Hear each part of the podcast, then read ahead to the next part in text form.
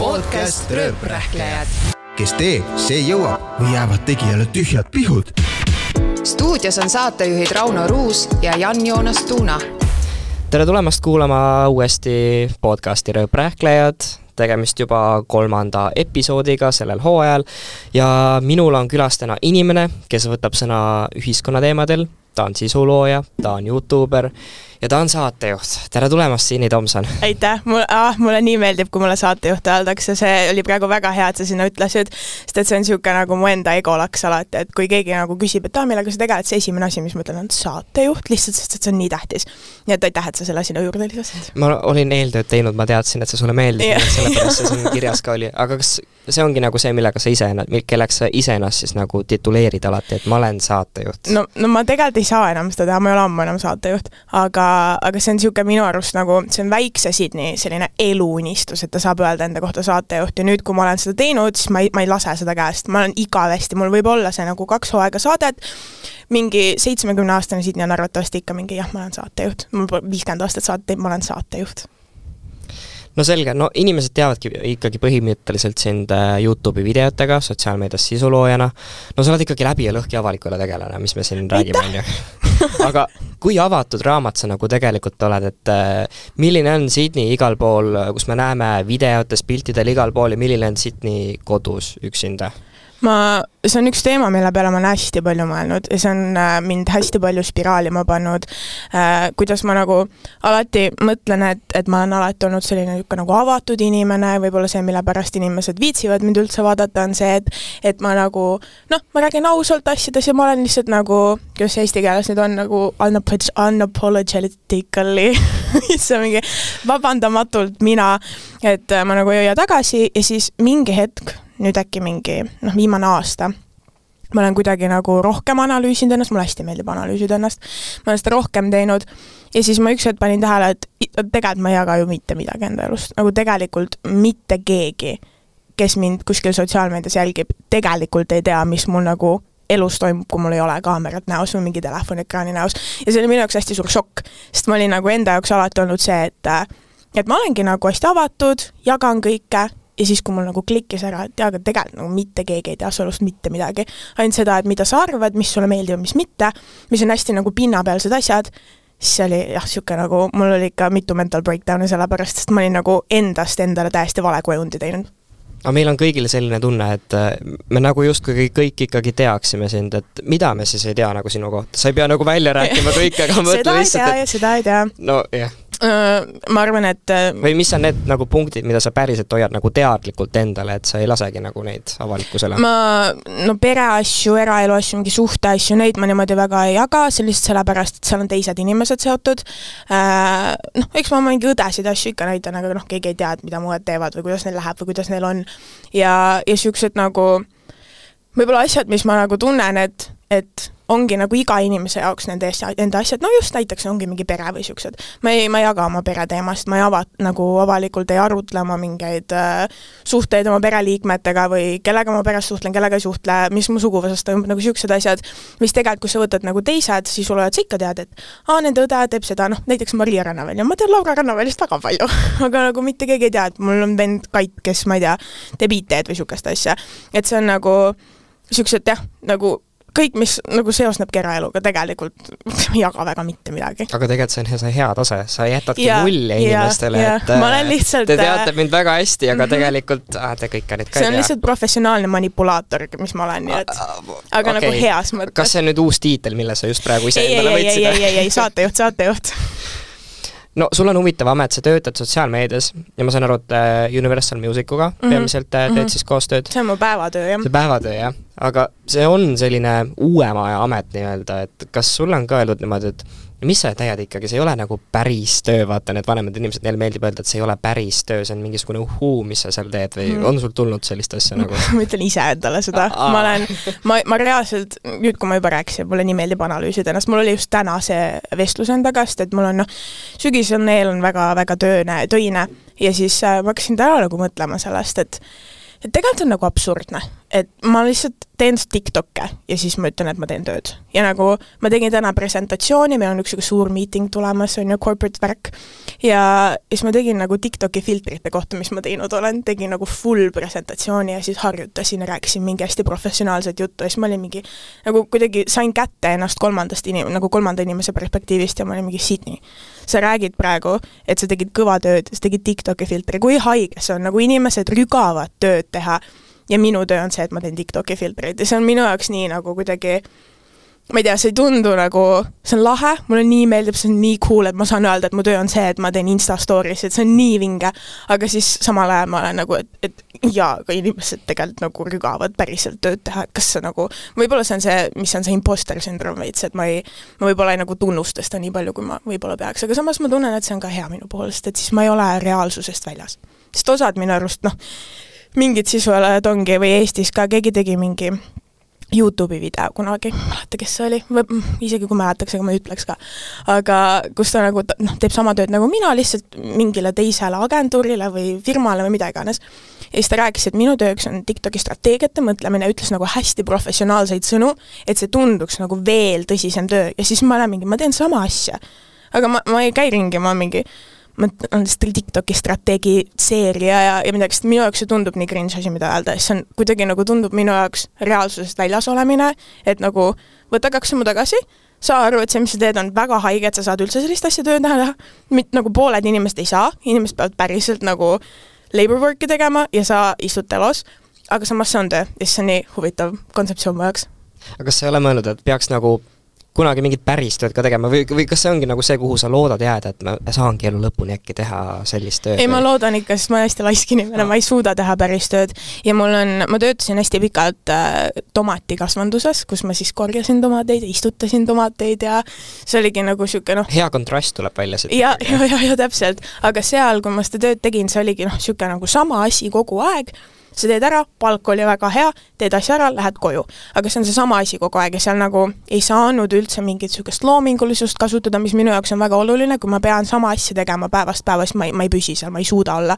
ehk siis äh, selline loominguline ja sotsiaalmeediatöö on just hästi tore, sest et asjad kogu aeg muutuvad, sa pead nagu, näed, ma räägin jälle nagu see oleks mingi ülitõsine töö, mis see tegelikult on, aga äh, pead mingite trendidega kaasas käima, sa pead teadma, mis TikTokis no aga see ei ole tegelikult lihtne ja me siin oleme üritanud ka äh, teha seda podcast'i, seda sotsiaalmeedia osa ka siia juurde, me oleme ka vaadanud, scroll inud neid TikTok'e, et no mida nüüd võiks nagu järgmisena teha mm, -hmm. see ei mhm. ole tegelikult üldse nii lihtne, kui sa ei ole selle maailmaga kursis. ei ole muidugi, aga siis see ongi see, et, et sa nagu otsidki sealt TikTokist nagu inspiratsiooni ja see, et mis sa siis enda töökohal saad teha ja siis noh, püüadki ennast kolmandast perspektiivist jälle kätte, et ma nagu scroll in TikTok'i praegu päriselt tööna, nagu päriselt töötundidest olen TikTokis ja see on okei okay, ja ma peangi seda tegema ja see on väga haige kui sa ei oleks praegu selle töö peal, mis sa siis teeksid? kas sul oli nagu mingi back-up ka või sa teadsid juba, no tegelikult sa alustasid väga noorelt juba, et võib-olla mm -hmm. sul ei olnudki, ei jõudnudki mingeid teisi mõtteid pähe tulla, aga, või siiski? ma, ma oleks psühholoog. psühholoog? jah okay. äh,, ma oleks lastepsühholoog. ja see on niisugune asi ka, mida ma, see on nagu võib-olla kui mingi hetk ma tunnen, et ma olen tüdinud sellest äh, sotsiaalmeedia ja avaliku elu ja mida iganes, kõik sellest valdkonnast, siis äh, mingi hetk ma, see on alati mu nagu plaan B. et äh, kui mul lihtsalt kopp ette kõigest viskab, siis ma lihtsalt lähen psühholoogiat õppima ja lastepsühholoogiks. mitte, et see nüüd muidugi nii lihtne on, et ma lihtsalt lähen, aga, aga see on mul nagu kuklas olnud kogu aeg, jah no sellest me hakkame kohe lähemalt rääkima ka, ma tegelikult eelmine aasta panin siin ühte artiklit kokku vaimse tervise kuu raames ja võtsin sinult ka kommentaari, küsisin, et äh, mida ja kui palju tead sa tundetarkuse ehk siis emotsionaalse intelligentsuse kohta ja sa olid üks neist, kellel oli nagu kohe mõtteid ja arvamusi, siis ma mõtlesin, et okei okay,, selge, siit võiks nagu saada kohe edasi rääkida. ja siis ma jätsin meelde su ja nüüd sa oled siin. jaa, networking. no just, on ju, ja mõtlesingi, et tahaks kohe nagu juurde küsida ja rääkida, aga see formaat on lihtsalt tollal teine. aga võib-olla sissejuhatuseks, et äh, kuidas sa nagu ise, no praegusel momendil tunned ennast, et kuidas sul enda selle äh, vaimse poolega seis on, kas sa tunned, et sa oled kõigega rahul või nagu kuskilt miski kriibib või kas kõik on tasakaalus, kõik on hästi, sa ütlesid, et sa teed vestluseid iseendaga. jaa, tead, see on tegelikult hea point, et sa selle siia juurde tõid ka, sest et see on, ma arvan, et mul on väga hästi praegu kõik Okei, ma olen no ja vastus küsimusele kõigepealt Jaa. äh, mul on hästi, aga ma arvan, et see tuleneb ka sellest, et mul oli just kahenädalane puhkus äh, palmi all ilma telefonita põhimõtteliselt. nii et see oli niisugune nagu eraldasin ennast veits et siis valmistuda siin kiireks sügiseks, aga mul on päriselt hästi ja, ja mul on, on kõik tasakaalus. Ja ma arvan, et üks, üks põhjustest, miks mul ongi, on see, et ma, ma tõesti analüüsin kõike, mida ma teen. ma analüüsin oma mõtteid, kui mul mingi mõte pähe tuleb, siis ma kohe nagu hüppan nii-öelda enda kehast välja, mingi okei okay,, aga miks ma seda mõtlesin, kust see mõte tuli, kuhu see mõte edasi viib. et see on minu nagu igapäevarutiinis sees ja see noh, vahel on väsitav ka, nagu miks ma mõtlen sellele, et aa, et ma ei tea, mul on šokolaadiisu. Ja siis ma mingi okei okay,, aga Siti, miks sul on šokolaadiisu, keda huvitab, see ei ole nii tiip aga kas see on nagu mingil määral ülemõtlemine ka või, või Oi, see on tegelikult vajalik mõtlemine kindlasti on ülemõtlemine ka, aga, aga minu, nagu mulle meeldib seda teha. mulle meeldib seda, mulle meeldib järeldusteni jõuda, mulle meeldib jälgida, kuidas teised inimesed sama asja teevad, kuidas äh, nad äh, selgitavad oma mõttemustreid, see avab jälle minu seda sisemist poolt, et miks mina võib-olla mingeid asju teen ja see on hästi niisugune tore. ja see hoiab mind nagu kahe jalaga maa peal ka, et ma noh, ma ei kaoks ära kuskile, ei tõuseks kuskile, vaid ma oleks nagu, saaks aru, mis toimub, kus ma olen ja hästi nagu hetkes elan ka aga kuidas sa nagu jõudsid sinnamaani, et sa üldse hakkasid äh, ennast niimoodi analüüsima ja endaga niimoodi rääkima? Hmm, sellepärast, et kõik nagu ju, kõik nagu võib-olla ei suudagi, mõnel ongi see võib-olla just selles nagu ülemõtlemise võtmes, et kas ma nüüd tegin midagi valesti, nagu selles mõttes ta on, see on natukene, siia tuleks ikkagi joon vahele tõmmata, et see ei mm -hmm. ole Mhm. päris ülemõtlemine, milles, milles sa just, mida sa Ei. kirjeldasid jah, just. selles mõttes küll äh, ma ei teagi, kust ma jõudsin, ma või kui pikalt sa oled nagu ana-, seda analüüsi teinud, kas see on ka nagu väga noorest peast saati juba? ma arvan, et ma mingi viieteistaastasena küll ei mõelnud, siis mul oli jumala suva, siis ma lihtsalt vaatasin Justin Bieberi pilte ja mingi, et aa, ma armastan me ilus. abiellume täpselt. aga, aga kui ma nagu tagasi mõtlen, siis minu arust nagu seitsmeteistaastane Sydney juba nagu analüüsis ennast ja mida edasi, seda rohkem. aga, aga ma, noh, mulle meeldib ka jälgida ja ümbritseda ennast inimestega, kes sama asja teevad.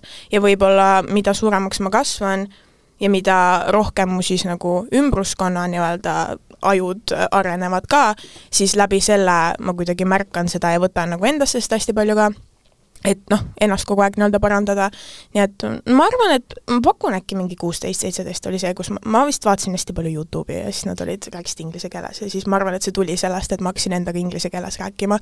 Seda ma tegin muidugi varem juba, aga kui sa räägid endaga teises keeles, sa kogu aeg mõtled ja siis ma võib-olla hakkasin seda analüüsima, et ega mul aktsenti sees ei ole ja siis sealt kuidagi tuli see kõik ülejäänud no see on juba next level mõtlemine, ma ütleks, et kui sa hakkad teises keeles iseendaga nagu rääkima ja mõtlema.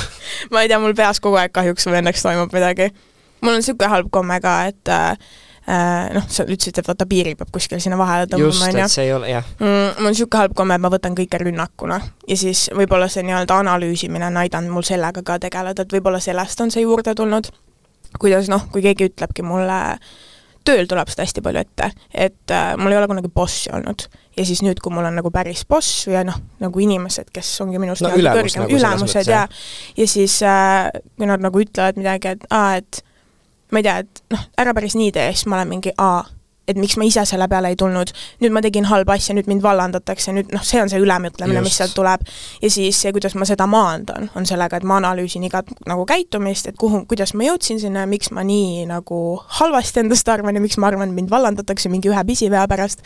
et võib-olla see on niisugune mu nii-öelda maandamismetoodika ka. ühesõnaga, ära mõtle üle, aga lihtsalt analüüsi. jah, täpselt. see on, see on hea nipp, mida panna kõrva taha, see tegelikult. teine asi on, on täpselt see, et äh, ma iga päev kuidagi nagu, ma ei lase noh, näiteks, okei okay,, näide, kui ma praegu siia stuudiosse täna tulin, siis äh, mu peas oli see, et vau wow,, ma elan nii lähedal, ma saan jala tulla siia.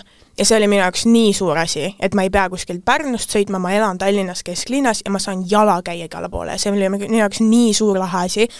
ja, ja võib-olla see teine asi, mis ongi, mis mind nagu kahe jalaga maa peal hoiab, on see, et ma hästi püüan hinnata väikseid asju. Ja võib-olla asjad, mis ongi nagu hästi ine-, iseenesest loogilised, siis ma enda jaoks teen need väga oluliseks, nagu just näiteks see, et ma sain jala üle kõnnitee minna, ma ei pidanud ringiga minema, näiteks noh, Tallinnas on tööd, on ju. või, või mingi, et aa, et täna on poes, on mu lemmik šokolaadipiim on kümme senti odavam, see on nii lahe ja elu on nii ilus. see on mu hästi, niisugune hästi kasutatud ütlus on see, et elu on ilus. et kui mul nagu midagi tõesti korda läheb, kuigi see on nagu pisike asi, siis ma ütlen, et ah oh,, elu on nii ilus. ja see paneb ka kuidagi teise pilguga vaatama kõike nii et väikestest asjadest suudad sa sellist rõõmu tunda, seda yeah. sa võiksid õpetada natukene teistele ka. jaa, ma pean mõtlema jah, et kuidas selle nagu variandi, et kuidas seda edasi anda just nagu,, just, just, just, see on mu järgmine missioon palju sul neid missioone on juba ees? ootab palju liiga palju. ma, mu probleem on see ka, et ma ei kirjuta neid kunagi üles, ma unustan ära siis ma mingi hetk olen mingi, aa jah siis tuleb meelde, et aa, see asi ka, okei okei no vaatame nüüd siis võib-olla. täpselt, loodame. aga sa juba mainisid, et äh, psühholoogia on see, mida sa oleks äh, nii-öelda back-up'ina võtnud, aga kuidas see psühholoogia huvi sinust ärkas, kas see oli nagu seesama, et sa mingi aeg lihtsalt hakkasid äh, analüüsima, rääkima iseendaga ja sealt see tekkis või see oli kuidagi teistmoodi? mul on, ma olen alati olnud see inimene, kellele ei meeldi väga endast rääkida ja ma pigem kuulan ja mida rohkem sa inimesi kuulad, seda rohkem sa süvened ja anal-, see on mingi läbikäiv sõna siin, analüüsimine. Ana-, vaat see analüüsimine on täna saate märksõna. jaa, reaalselt, aga mida rohkem sa kuulad, seda nagu rohkem sa märkad. ja, ja mulle meeldis äh, läbi selle, et kui ma juba mingi võrra olin kuulanud inimesi, siis mul oli nagu mingi nii-öelda teadmiste pagas, võib-olla ma ei ole ise niisuguseid asju läbi elanud, aga ma olen noh, teistest inimestest nii palju seda nii-öelda endasse sisse saanud ja neid teadmisi, et see nagu üks hetk oligi see, et ma sain aidata päriselt inimesi, et kui keegi tuli mu juurde ja küsis nõu, siis ma oskasin talle päriselt nõu anda, isegi kui see võib-olla ei olnud situatsioon, millest ma nii nüüd noh, nagu oma kogemusest palju teaksin. ja see kuidagi nagu pani mind mõtlema selle peale, et et issand, aga psühholoogia on ju täitsa tore, et, et noh, täpselt, et mulle meeldib teada, miks inimene mõtleb nii, kuidas ta mõtleb, juba enda nagu perspektiivist teisi samamoodi vaadata ja analüüsida ja see psühholoogia on täpselt see. et sellepärast ma arvan, sealt tuli ja, ja lastepsühholoogia eriti sellepärast, et esiteks Kirsti Timmer ütles mulle seda, et ma peaksin olema lastepsühholoog, selle peale ma ei olnud kunagi mõelnud, mul oli nagu lihtsalt psühholoogia. ja sa ei kuulanud praegu siis? ei no, kuulasin ikka, aga siis ma lihtsalt mingi, et no mina veel ei viitsi ah, aga okay, veel ei tee? jaa, jaa, et praegu mul on nagu hästi, ma ei pea seda teekonda endale veel ette võtma. aga, aga laste, noh, mul on alati lapsed meeldinud, mina olen alati lastele meeldinud, ma olen alati nagu läbi saanud ja siis mul oleks hea meel, kui ma saaks mingit nagu väikest last panna võib-olla ennast paremini mõistma, mida nad ise võib-olla teha ei oska veel. no sa rääkisid, et endaga sul on praegu kõik hästi, aga kas sul on ka mingisuguseid perioode nagu elus, kus sa tunned, et äh, nats endaga pahuksis võib-olla? muidugi, muidugi. kui tihe nähtus see on? see, no eriti siis, kui on pime ja külm, see on vist meil kõigil see aeg, mis nüüd tuleb siis, jaa, täpselt. ma just täna mõtlesin, et meil on üksteist september ja õues on kakskümmend kolm kraadi, mul oli nii hea meel selle üle, sest et meil on muidu talve mingi pool aastat. suvi ei rohkem. ole läbi veel? ei, ei, ei., ja mul ongi, võib-olla sellepärast mul ongi hea tuju veel. vaata siis nädala aja pärast on mingi vihmeküla ja külm ja siis ei ole. aga eks ta käib, noh, ilmaga käib hästi palju ja, ja sellega ka, et kui palju ma magan, see on üks nagu kindel asi, on see, et kui ma kui mul ei ole rutiini elus, siis mul on kõik peas kabilla palla. ja kõige lihtsam viis, kuidas see rutiin enda ellu saada, on see, et sa lähed kindlal ajal magama ja ärkad kindlal ajal. ja kui mul seda ei ole, siis ma, nagu ma märkan, et mul on kõik sa-, laga, laga, lagani, segamini. aga, aga kui mul on rutiin unega, siis mul on nagu kõik juba parem. aga jah, ma ei tea, ta käib niimoodi no kuus korra ikka midagi on. Mhm. aga, aga praegu viimase mingi aasta aega on ikka enamasti hästi olnud. aga milles see nagu väljendub siis? Ta ei väljendugi, mulle ei, ei meeldi näidata okay. enda emotsioone ja tundeid teistele sellepärast, et tegelikult ju öeldaksegi niimoodi, et äh, ega see ei väljendugi kuidagi yeah.. lihtsalt see on su äh, nii-öelda sisemine võitlus või kuidagi yeah., mida keegi ei näegi. jah, võib-olla on lihtsalt see, et ma nagu päeval olen, teen oma asjad ära, mis ma pean tegema ja siis ma lihtsalt lõsutan voodis ülejäänud aja ja vaatad seina? ja põhimõtteliselt jah, ja siis mõtlen, et kui, kui halb inimene ma olen ja kuidas kõik mingid väiksed asjad, mis ma valesti kunagi teinud olen, tulevad pähe tagasi, aga, ja teistele see ei, väga ei väljendugi meil on Krista Len siin varem saates külas käinud Slay. ja, ja ja ta rääkis äh, enda kogemusest, äh, kui ta põles läbi. ta kirjeldas seda hetke, et tal oli mingi aeg selline moment, kus tal oli nagu tohutult palju mõtteid peas mm, -hmm. aga et ühel hetkel oli täielik tühjus. kas sul on sellist olukorda ette tulnud? kas ta siis, tema jaoks see läbipõlemine oli see, et ei olnud mõtteid peas enam või? no see oli, ühel hetkel oli nagu tohutult palju neid mõtteid mm -hmm. peas aga ühel hetkel lihtsalt nagu hakkas lihtsalt peas nagu nii-öelda vilisema ja oli nagu vaikus selles mõttes, et, et ei olnud nagu midagi nagu. et mingi klikk käis nagu ära. okei okay,, see oli natuke, pani mõtlema, ma hakkasin ennast analüüsima okay,. jah, jah, et kas on midagi sellist juhtunud, sellepärast et see vist on see niimoodi ma ei, ma ei ole ekspert, me keegi, ma mm -hmm. keegi ei ole ekspert mm, -hmm. aga see vist peaks olema see nagu päris asi, kui see päris klikk ära käib nagu. aa, no mul ühe korra on nagu päris niimoodi olnud, aga tead, ma tegelikult ikka ei ütleks seda läbipõlemiseks, mul olid teised probleemid.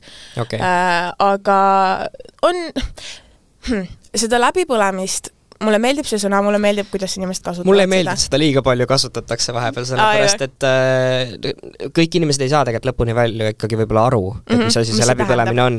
tema, mõne jaoks on võib-olla see läbipõlemine, et ah, et täna oli nii väsitav päev, et iskan pikali ja tunnen, et ma olen nii stressis, et see on mm -hmm. läbipõlemine, no see, no see ei ole see. jah, ja, ja vot sellepärast ma nüüd ütlengi, et mul enda arust ei ole olnud sellist otsest läbipõlemist, sellepärast et ma kahjuks või õnneks olen tegelikult väga laisk inimene.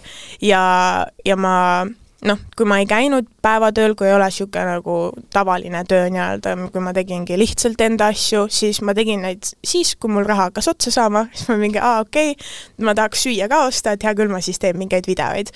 Ja, ja ma nagu, ma ei, ma ei, ma ei töötanud ennast kunagi nii üle ja siiani väga ei tööta nii üle, sest et no ma lihtsalt ei viitsi. kui ma saan, kui ma tean, et mul tegelikult on võimalik veel seda homme teha, ma ei pea seda kohe tegema, siis ma teen selle homme. jään võib-olla natuke siit otsast kuskilt täna, aga ma lihtsalt, ma olen liiga laisk, et ennast üle töötada. ja võib-olla see on hea asi siis, nüüd kui niimoodi mõelda tagantjärgi jah, aga vaata, sul on see privileeg ikkagi, et sa saad ja, toimetada, et ja, ja, ei, absoluutselt, absoluutselt no äh, sõna, mida veel liigub hästi palju, on äh, igal pool sa kuuled vaimne tervis, vaimne tervis, vaimne mm -hmm. tervis. Ma ei tea, kas see tundub ainult mulle, aga minu jaoks nagu hakkab vaikselt sõna nagu isegi tähendust kaotama, et kas yeah. ja sellega on nagu ka see, et sellest nagu räägitakse palju, aga ma vahepeal ise mõtlen, et aga mida sellest räägitakse, kui palju sellest räägitakse ja kas seal midagi nagu sisukat ka on? jaa, täpselt see, jah. ma ei tea, võib-olla sa oskad rohkem nagu selles mõttes kommenteerida, kuidas sa nagu oled näinud, et kui räägitakse igal pool sellest, kas nagu tegelikult räägitakse midagi?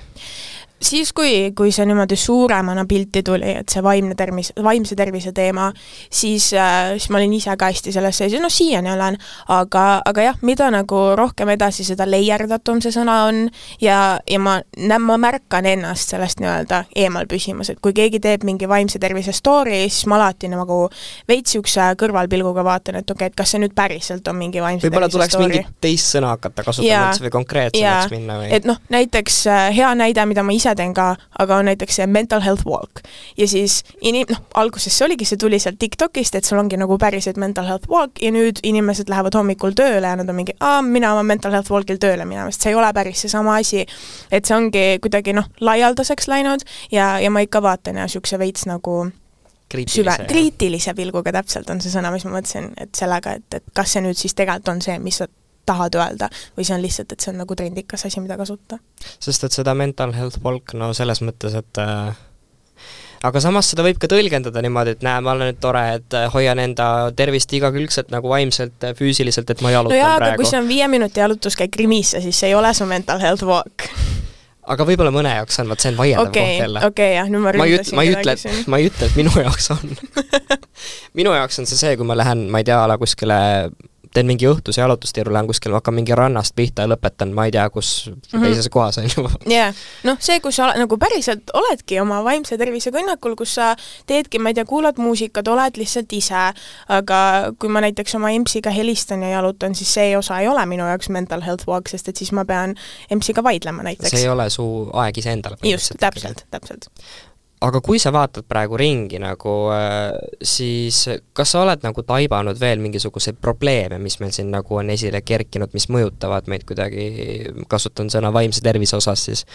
et pikalt oli meil mõjutusi vaata karantiini ajast mm, -hmm. aga mingil määral võib-olla tundub, et need hakkavad läbi saama, aga ometi nagu ei jää muljet, et inimesed hakkaks kuidagi nagu tervemaks, tervemaks saama, saama., et kas midagi uut tuleb nagu peale, mis võib toimuda? Tead, ma ütlen selle väga-väga tavalise vastuse, mida kõik ütlevad, aga sotsiaalmeedia äh,. ma arvan, et nüüd eriti, kui ongi mingid TikTokid näiteks, kuigi TikTok tegelikult mulle platvormina meeldib, seal on kõike. seal on kõigile kõike, mis on hästi tore, aga kui sa satud sinna valele poolele, siis sul ongi see, et sul on mingi noh, hästi nagu piiridesse panevad ja mingid täiuslikud inimesed ja sa ei näe välja nagu see täiuslik inimene ja filtrid, aa, ma just vaatasin TikToki selle kohta, kuidas äh, mingi tšika rääkis, et ta ei salli filtreid, sest et need on nii loomulikud nüüd ja, ja osadel mingi TikToki videotel see isegi noh, kuidagi on maha võetud see, et seal on see filter peal või kuskil Insta story's ka, siis sa vaatadki nagu teist inimest, mingi aa, et ta näeb nii ilus välja, tegelikult tal on lihtsalt filter peal.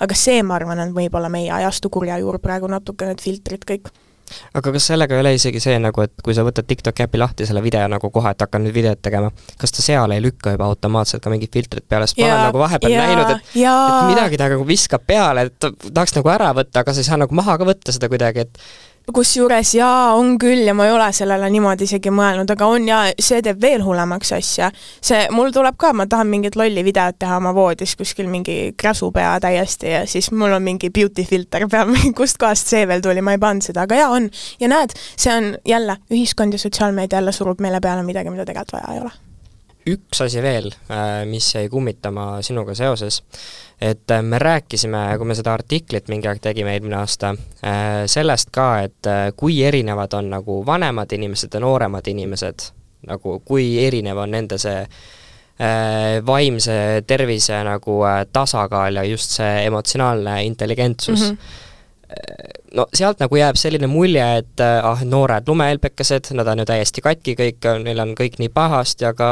aga et vanematel on nagu kõik hästi. kuidas sulle tundub, kas me oleme tõesti nagu nii katki ja vanemad on siis nagu nii terved? Äh, muidugi oleme katki, aga katki, okay. muidugi, aga need vanad inimesed on ka katki, nad lihtsalt ei saa aru sellest.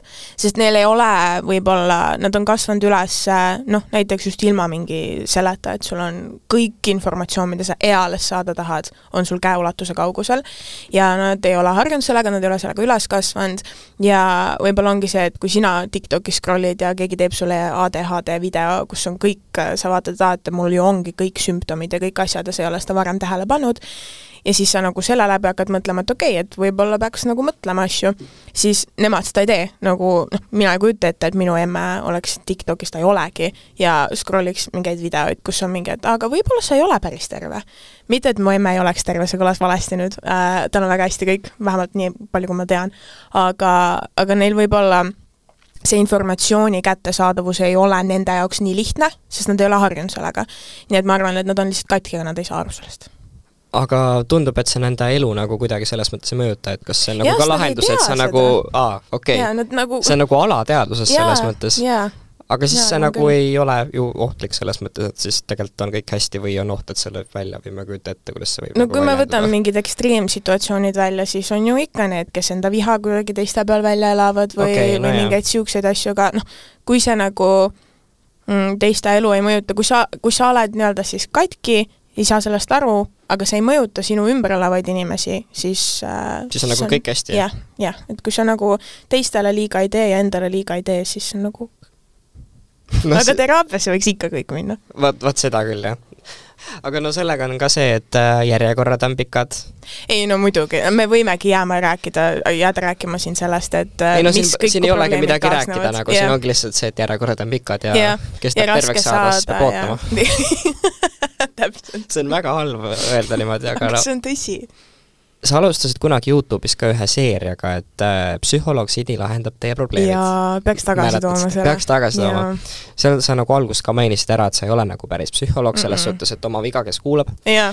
aga minu huvitav küsimus on see, et kas päriselt mingisugune psühholoog võttis ka sinuga ühendust, nagu nähes neid videoid, et kuule, et sa ei ole päris psühholoog, miks sa annad teistele sellist nõu või, või kuidas sa üldse nagu julged, et sa nagu vastutad ikkagi nagu nende eest, kes nagu vaatavad või pole nagu sellist asja olnud mm? -mm. Sellises vaatepunktist ei ole olnud, mul on olnud inimesi, kes kas õpivad psühholoogiat ja on pigem nagu noh, heast küljest seda näinud, et äh, ongi mingi, et aa, et nii tore, et seda tegid et äh,, et võib-olla peaks ise ka tegema, kes ongi mingid psühholoogia tudengid näiteks.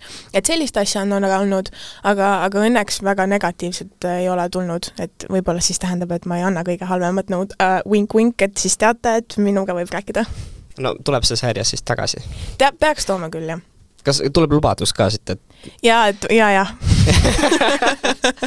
kõlab, kõlab väga nagu lubavalt mm. -hmm, väga usutav oli praegu.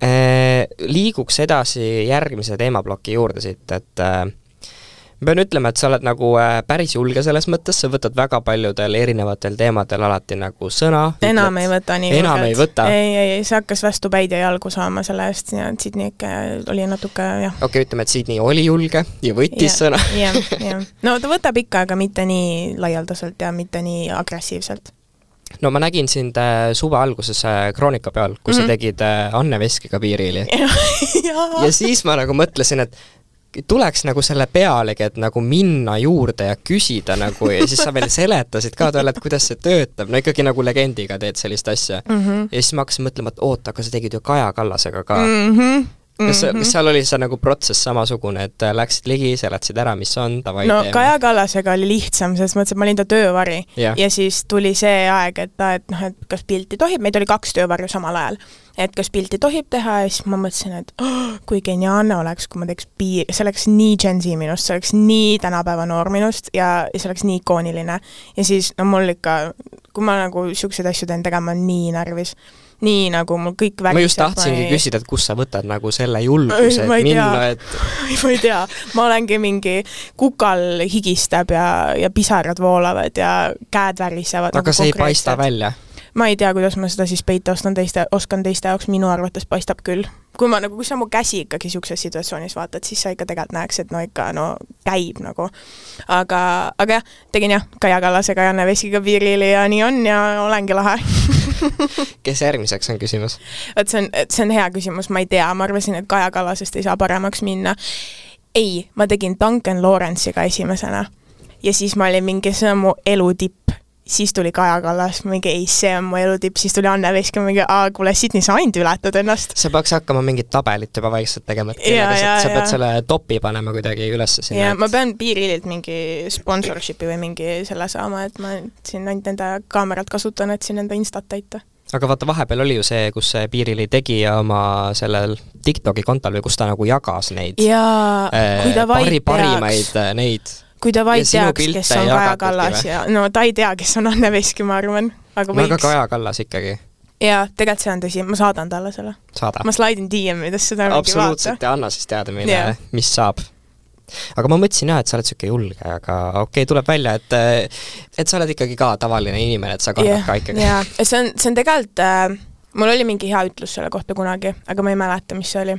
ma pean seda analüüsi uuesti tegema hakkama, aga ma olen äh, introvert, kes peab olema ekstrovert mul lihtsalt ei jää muud üle. nagu ma ei saa käia üritustel, hea meelega oleksin kuskil nurgas ja istuksin ja siis tuleb keegi ja ma mingi okei okay,, ma pean rääkima, see on õudne mu jaoks, see on nii hirmus mu jaoks, aga ma lihtsalt ei saa mitte teha seda asja. amet ei luba, on ju? jaa, täpselt. noh, kui ma olen Kaja või selle Anne Veskiga samal üritusel, no ma pean tegema selle piirili, ma ei saa mitte teha ja siis ma lihtsalt jooksen ja lähen. aga see oli tegelikult, tulles tagasi nüüd selle Anne Veski piirili juurde, see oli, ma nii kartsin ja see situatsioon ainult hullemaks läks ka, sest et esiteks ma kogemata kogu aeg ainult, ma ei oska öelda teie, minu arust see on nii raske asi, mida teha, on teietamine. ja siis ma ütlesin Anne Veskile muudkui teie, sina, teie, sina.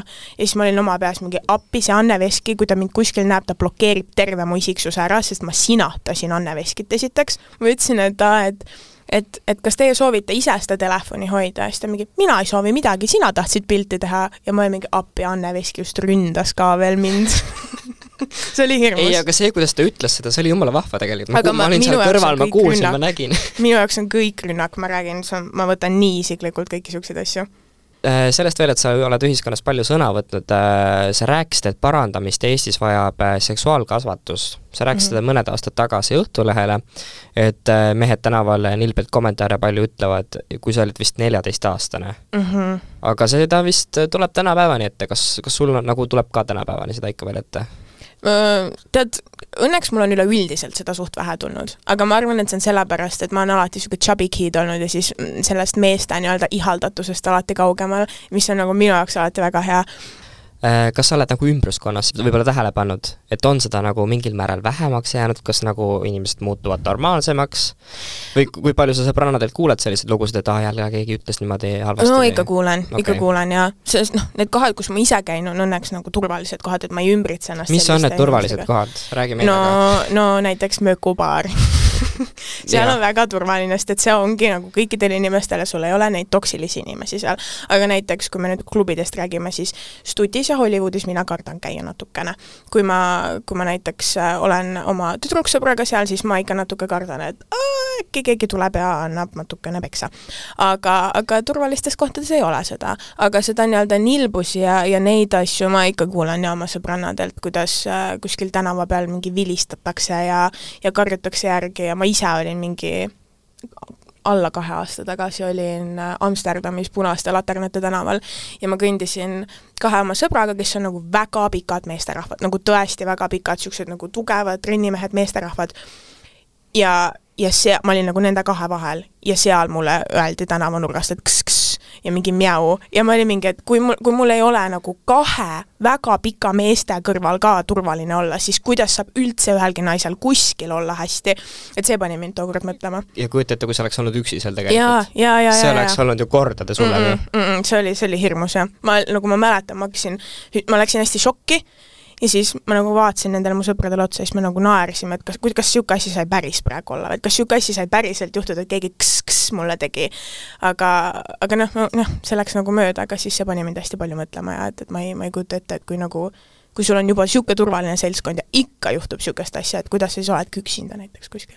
no selles mõttes äh, võib ikkagi loota, et Eestis on äkki turvalisem. No loodame, jah. no see oli muidugi sellises äh, rajoonis ka, kus jaa, ei seda küll jah, seda küll jah, see on see victim blaming, et ise ronisid No. siin mis need nagu võib-olla kõige õudsemad asjad on, mida sulle nagu öeldud on või tuttavatele või kas tuleb midagi pähe, ilma filtrita nagu? oi, no ikka on tahetud äh, läbi äh,, kuidas ma siis viisakalt no ilma, ilma filtrita nagu. Ilma filtrita, ikka on tahetud ikkagi läbi nikkuda ja, ja kuskile auto taha pasnik, pagasnikusse panna ja ja et äh, mingid, aa, et mul on, mul on autos teip ja ma võin sul mingi istme külge kinni panna, mingid täiesti võõrad inimesed, kuskil mingid täiesti võõrad mehed.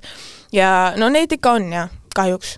see ei ole niisugune tavaline catcalling enam, ei, ei, ei, ei, ei, ei, ei, ei, ei, ei, aga noh, ja see oli Eestis siis nagu või? jah, jah, okei ma, ma ise, ma isegi ei oska nagu okei okay. no selles suhtes on nagu rõõm, et sa said mingisugused kohad ikkagi välja tuua, et kus on nagu, kus sa tunned turvaliselt ka ennast mm. mm. -hmm. ja kodus on ka väga hea turvaline. kodus on ka kindlasti ja, ja turvaline, aga noh, arvestades võib-olla, et kõigil ei, või ole nagu selline nii paks nahk niimoodi väljas liikudes ja kui keegi ütleb midagi, kuidas nagu tulla üldse selliste asjadega nagu, kuidas minna edasi sealt nagu, et sa nagu ignoreerid?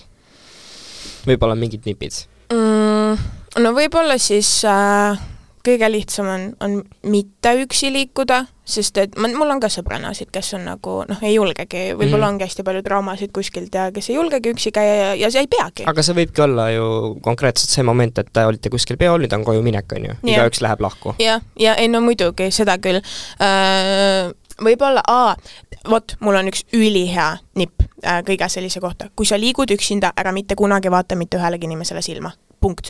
esimene samm. kui sa vaatad mingile hirmsale inimesele silma, ta on mingi, aa, ta vaatas mulle otsa, ta tulebki juurde.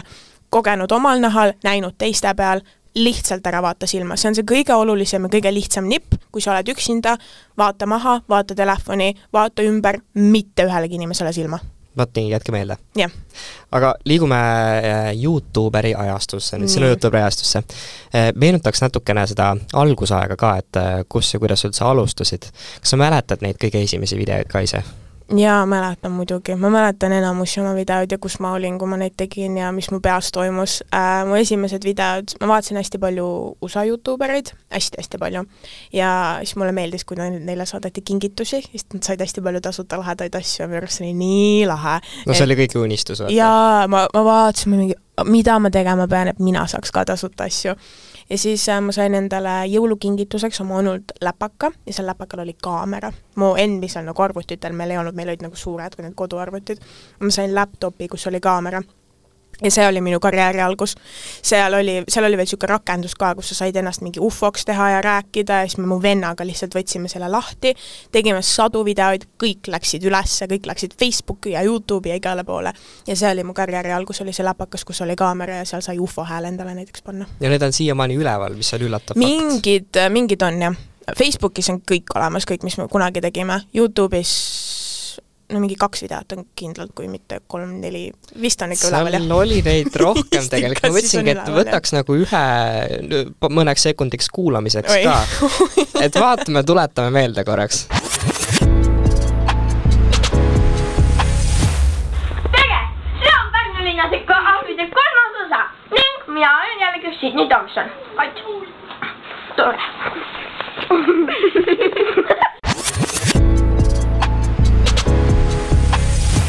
kas sul tuli see video nagu pildina ette ka? jaa, ma mäletan, mis niisugune ma olen seal, selle sarja nimi oli Pärnu linna ahvid. selle idee tuli meil niimoodi, et mul oli tolleaegne parim sõbranna, kes elas Pärnus, mina elasin Soomes. ja siis me alati iga õhtu tegime Skype'i call'e, me nagu helistasime üksteisega, siis mängisime Minecrafti ja mingi, kuulasime muusikat ja lihtsalt olimegi nagu õhtud läbi lihtsalt videokõnes. ja see oli mingi talvene aeg kui ma teadsin, et ma lähen Eestisse uuesti ja ma tahtsin noh, ikkagi noh, sisu luua, et mul oli nüüd väike digikaamera, mille emme oli ostnud mulle ülihalva kvaliteediga, niisugune väike punane, aga noh, sellel ajal ei olnud ka paremaid, kui sa oled mingi miljonär muidugi. No, ja ma tahtsin ju ikkagi sellega videoid teha ja siis oli vaja videoideid. Ja siis me seal Skype'i kõnes planeerisime, et mis me teeme. ja noh, Pärnu on niisugune see nimi Pärnu linna ahvid tuli sellest, et, et Pärnus on väga huvitavaid inimesi ja meile meeldis äh, hängida säästumarketi taga pargis, kus oli veel rohkem huvitavaid inimesi, kes magasid päeva ajal viinapudel kõrval, kui meie kümneaastased lapsed seal jooksime ja, ja noh, politseid käisid seal kogu aeg, aga see oli ikkagi meie lemmikkoht, seal toimus nii palju, pluss seal sai mängida liivakastis. ja siis me olimegi, otsustasime, et me paneme sarja nimeks Pärnu linna ahvid ja me siis intervjueerime Pärnu huvitavaid inimesi aga noh, meie, mis ma olin seal mingi üksteist, kümme, midagi niisugust. see oli kümme aastat tagasi vist kuskil aa, siis ma olin kolmteist lausa. Vau, päris vana. Isegi? isegi kolmteist, jah äh,. Aga noh, me ei läinud kuskil talvel kuskitele, noh just asotsiaalidega mingeid No intervjuusid jah. tegema, jumal tänatud Lapsed, ka. no jumal. reaalselt. nii et me siis panime meie sõbrad rollidesse ja mu vend on siis seal, mängib ühte mingi Pärnu linna ahvi ja siis tema sõbrad on seal ja noh, jah, niisugune seriaal oli. ma nägin ainult seda kolmandat osa nii-öelda, et meil see- olid probleemid, me pidime teised kustutama, sest et me mängisime liiga, liiga rolli elu, ennast. just, liiga rolli, okei, okei. No ühte videot äh, kuulaks veel, sa ütlesid, et äh, inglise keeles alustasid oi, ka oi, oi, videotega. oi, oi, jaa. no korra vaatame.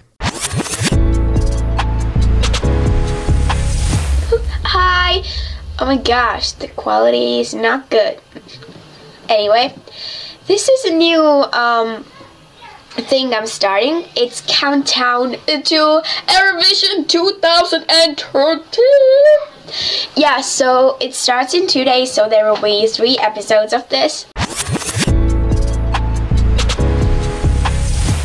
No kui keegi veel ei usu, et Sydney on alati Eurovisiooni fänn olnud, siis siin on nagu päriselt tõestus, see on aastast kaks tuhat kolmteist ja ilmselt sa olid veel varemgi suurem Eurovisiooni fänn. oi, ja, ja, ja, ja see oli mu ikka, no siiani on aasta sündmus, see on kõige olulisem tähtpäev üldse terves elus on, kui Eurovisioon on äh,. sellel ajal oli noh, lihtsalt Eurovisiooni nädal, ma ei teadnud, et on mingi eelvalikud ja eelshow'd, nüüd on mul terve pool aastat lihtsalt enne Eurovisiooni on nagu Eurovisioon.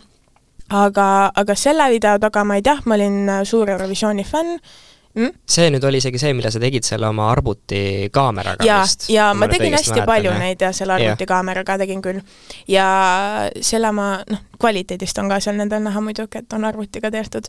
aga, aga ma jah, olin suur Eurovisiooni fänn ja siis mulle meeldis alati teha mingeid nagu Eurovisiooniga kokku minevaid videoid. ja siis ma iga aasta üritasin midagi teha, kui ei viitsinud, siis ma panin lihtsalt mingi selfie ja panin mingid filtrid peale sinna, niisugune video on kuskil ka. aga, aga kui ma seda nagu, kui sa selle klipi praegu käima panid, siis mu esimene emotsioon oli niisugune, et iiu, issand, kui vastik, aga siis ma hakkasin nagu jälle mõtlema, et oota, Sidney, ära mõtle niimoodi. ja, ja siis ma tulin sellele järeldusele, et tegelikult mul on nii nunnu kuulda seda, et nii nagu hea meel, et, et see pisike Sydney, kes äh, oli mingi eestlane kuskil Soome koolis, kes pidi teiste inim-, teisi inimesi alla tõmbama ja kiusama, et, et ta noh, oleks võib-olla nagu kambas, et ta ei oleks nii-öelda see erak, ja siis ta läks koju ja lihtsalt oligi nagu see nunnu tore Sydney, kellele meeldis Eurovisioon ja ta lihtsalt pani kaamera käima ja filmis ja täiesti lihtsalt mõtlematagi pani ülesse ja siis teda kiusati koolis, et issand, kui nõmedad videod sul on, ja siis ma mäletan, ma ütlesin alati, et nii, aga sa ei pea vaatama. ja mul oli siis juba suva sellest. ja siis äh, see on nagu tore äh,, sellepärast ma ei ole ühtegi videot alla ka maha ka võtnud. et äh,, et kui võib-olla isegi mitte see, et kui keegi teine tahab seda teekonda näha, vaid pigem mulle endale, et äh, näed, et kaheteistaastane Sydney hoidis selle video isegi üleval, et miks peaks kahekümne kolme aastane Sydney selle pärast siis häbi tundma. et nüüd on niisugune, niisugune tore nagu mingi nostalgia laegas, mis mul seal on. Aga see ongi see julguse näitamine ka just, et sa Jah. nagu julged jätta sellise video üles, sest ma arvan, et enamik nagu on ikkagi maha võtnud, isegi kui on olnud sellised videod üleval, need on tänaseks need ikkagi maha võtnud. Ma ka ausalt öeldes olin natuke üllatunud, et sa nagu oledki nii julge, et sa oled niisugused videod üle, aga seda on päriselt nagu tore vaadata. mul, see, mul seal tuli sa näed selle arengu nagu ka Jaa, ära. jaa, jaa, ja jaa. kes oleks osanud nagu arvata, et äh, väike Sydney seal arvab, et vaata, kus ta nüüd on jõudnud, on ju. see tuli mul tegelikult sellest, et, et ma mäletan, kui ma olin väike, ma paningi kõik pildid, mis ma tegin, läksid Facebooki ülesse. ja ma mäletangi, oli, keegi rääkis, kui ma nagu pisike olin, kuidas ta nii kahetseb, et ta kustutas kõik oma vanad pildid ära, sest talle ei meeldinud need, ja siis ma mõtlesin juba nagu aastaid ette, ma natuke kahetsen ka. on ja, on ja, ja, ja mina üheteist, kaheteistaastaselt mõtlesin seda, et aga ma ei taha, et mul kunagi tulevikus niisugune emotsioon endaga oleks. et ma tahan ikka tagasi vaadata neid asju, et näha, et milline ma siis praegu just olen. Ja, ja nüüd ma käingi oma pilte läbi, mul on nii hea meel, et mingi tatikas Sydney niisuguse asja peale tuli, et ta ei võtnud neid maha, kuigi Instas äh, siis, kui tuli Instagram nagu noh, läks populaarsemaks ja ma tahtsin feed'i tegema hakata, palju ma olin siis mingi viisteist, siis ma võtsin kõik oma vanad Insta pildid maha ja seda ma kahetsen, no tõesti, seal olid nii lahedad mingi kauboimütsiga, mingi kolm suurust suurte saabastega, mingi mina kuskil poriloigus, no nii tahaks näha neid pilte praegu. no nüüd saab õnneks arhiveerida, et äh, Jah, selles suhtes, et kui tahab päris maha võtta, et see on nagu see valik olemas. aga ühe kuulaks nagu veel, see on natukene värskem ja see on üks sinu esimestest eestikeelsetest videotest kusjuures Mm. tere tulemast tagasi minule kanalile, minule kanalile. minule kanalile. ja kõige esimesena ma pean teid kõiki tänama neljasaja subscriberi eest. nagu nelisada subscriberit, nelisada inimest on vajutanud seda nuppu seal all, et saada teade, kui mina loen kanalile video. see on lihtsalt nii mind-blowing, et ma ei suuda seda ette kujutada. Nelisada subscriberit, sa olid selle üle nii uhke. vaata, mis arvud sul täna on. kusjuures väike saladus, tegelikult see ei ole nii nunnu. ma ütlesin meelega, mulle meeldis, kui Maria Rannavälja, tollel ajal ma vaatasin, noh, siiani vaatan Maria Rannavälja, aga siis ta oli nagu mu suur iidol, ma tahan olla ka nii kuulus kui Maria Rannaväli. ja tema ütles mingis oma kõige populaarsemas videos vist, et tal on kakssada subscriberit ja ma nägin, et, et sellel hetkel kui ma tema kanalit vaatasin, oli tal juba mitu tuhat ja siis, kui isegi mitte mitukümmend tuhat. ja ma mõtlesin, et oh, kui lahe asi, mida öelda, et kui nagu hästi läheb, siis tulevikus sa saad öelda, et vau wow, ja mul kunagi oli, nagu ma olin õnnelik niisuguse numbri peale, ehk siis ma olingi mingi okei okay,, mul on praegu nelisada, see on haige, aga äkki mul on kunagi veel rohkem, et ma nüüd ütlen kõva häälega selle välja, et siis, kui ma kunagi tagasi vaatan videot, siis ma saan olla, et vau wow,, sa oled nii tubli et täpselt nii ongi praegu. jah, ja ma, ma räägin, ma lihtsalt ennustasin terve oma elu ette. aga me oleme siin saates nagu alati võtnud ühe sellise äh, nii-öelda päevakajalise nagu teema või küsimuse ka ette, et äh, mille kohta ma küsiksin sinu arvamust äh,. praegu on Ärileht vahendanud, et äh, mitmetes kohtades on juba katsetatud ja kasutusele võetud selline lühema töönädala variant. ja seda katsetatakse nüüd Šotimaa riigiteenistujatega ka. Katsetati seda ka mullu Ühendkuningriigis ja see, ja sealsete tulemuste põhjal otsustas enamik osalenud isegi eksperimenti jätkata. näiteks, et äh, lühem töönädal vähendas läbipõlemisjuhtude arvu ja üldjoontes nagu käive jäi kõik samaks. Eestis mingisugune eraettevõte vist ka rakendas seda või proovis, tegi mingi eksperimendi, aga küsimus on, et äh, mis sa arvad, kas see nagu võiks nagu Eesti kontekstis nagu töötada, kas sa kujutad ette, et me käiksime ainult nagu neli päeva nädalas tööl, eriti kui sa nüüd teed ka päevatööd, kas sa kujutad ette ennast nagu, et sa teed ainult neli päeva nädalas tööl ja ülejäänud puhkad? Ma kardan, et äh, kui me võtame Šotimaa ja Eesti, siis nad on võib-olla riikidena natukene liiga erinevad. Äh,, Šotimaal on kõvasti rohkem rahvast, Eestis on, on seda tööjõudu siis nii-öelda juba niigi vähe. äh,, ma ei, ma ei usu, et see Eestis toimiks. ma arvan pluss, et, et see ajaks kuidagi asjad liiga segadusse, eestlased on hästi, hästi sellised, no patriootlik on nüüd vale sõna, aga nagu äh, rutiinidele kindlad, hästi nagu kõik läheb ühte joont pidi, kõik on täpselt nii, nagu peab olema. Ja ma arvan, ma ei kujuta ette, kui, kui eestlastel, mis need Delfi kommentaariumid või nagu kõik kommentaariumid oleks, kui olekski mingi, et nii, nüüd on nelja päeva, nagu neli päeva tööd, nädalas teed tööd ainult. ma arvan, et hetkel see ajaks natuke liiga sassi kõik. võib-olla kui meie generatsioon natuke vanem on, siis las me teeme jah vähem me, tööd. meie teeme selle ja, sassi jah. aga minnes äh, tuleviku juurde, mis on praegu see asi, millele sa praegu mõtled ette näiteks, kui kaugele sa mõtled, vaatame, kui kaugele mõtleb Sydney praegu. Äh,? Äh, nii äh,, mul on väga, see on väga hea küsimus, ma räägin, ma alati nagu teen endaga podcast'i kodus ja siis ma laon nagu oma mõtted lauale. Ja täna ma panin pesu kuivama ja siis ma mõtlesin, et et mulle väga meeldib see punkt, kus ma elus praegu olen, mulle väga meeldib noor olla mulle väga meeldib äh, see vabadus, mis mul on, mul ei ole mingeid nagu kindlaid kohustusi kodus näiteks, et noh, ma ei pea kellegi eest hoolitsema, ma lihtsalt hoolitsen enda eest, teen seda, mida mina tahan, aga ma nii, nii ootan seda aega, kui mul on maja ja mul on laps ja mul on nagu teine inimene, kelle eest hoolitseda. Ja siis ma olen hakanud viimase mingi maksimaalselt kuu ajaga väga palju nagu jälgima ja analüüsima emasid. näiteks tänava peal kõnnib keegi vastu ja ma mingi, ah oh,, sul on praegu väike laps, kellele sa oma elu põhimõtteliselt pühendad, ja te tulite nüüd õue jalutama ja mulle nagu nii meeldib see, et sa võtsidki lihtsalt lapse kätte, tulidki jalutama nagu või äh, käin kellelgi külas ja siis ma näen, kuidas mingi noh, ema näiteks paneb riideid kuivama, mingi, et appi, see on nii emme asi, mida teha, et ma tahan seda elu, ma tahan seda emme elu saada endale, et ma lihtsalt tulengi töölt koju ja ma teen kodu korda ja ma hoolitsen kodu eest, seda ei juhtu niipea, seda kindlasti mitte niipea, aga, aga see on niisugune tore asi, millele ma mõtlen, et, et see on nagu missioon on vale sõna, sest et ma täna kinnitasin endale ka, et ma tean, et see juhtub, ma tean, et ma saan maja ja ma tean, et mul on laps ja mul on väga tore pereelu. Äh, et mul on nagu kõik hästi tulevikus ka, ma lihtsalt, ma tean seda. Ja niimoodi see töötabki, sa lihtsalt ütled, et nii asjad ongi ja siis universumis sa saad täpselt. ja ja, ja, ja et ma tean, et see juhtub, see ei juhtu veel, see ei juhtu niipea ka, aga ma juba ootan seda, et ma saan, noh, praegu ma olen ka liiga laisk niisuguse asja jaoks, ma ei viitsiks kunagi tegeleda mingi lapsega, on, ma tahan magada, ma tahan ise endale süüa teha, ma tahan Netflixi vaadata, ma ei viitsi koristada. aga siis millalgi ma ikka viitsin, nagu millalgi mul lihtsalt tuleb see vahe, kahekümne kolmesena ma ei peagi mõtlema niisuguse asjale, et ma nüüd praegu kohe saan lapse. aga see on mu kindel elumissioon ja, ja niisugune suur samm, mis kunagi minuni jõuab. Nii et sa ikkagi mõtled kaugemale?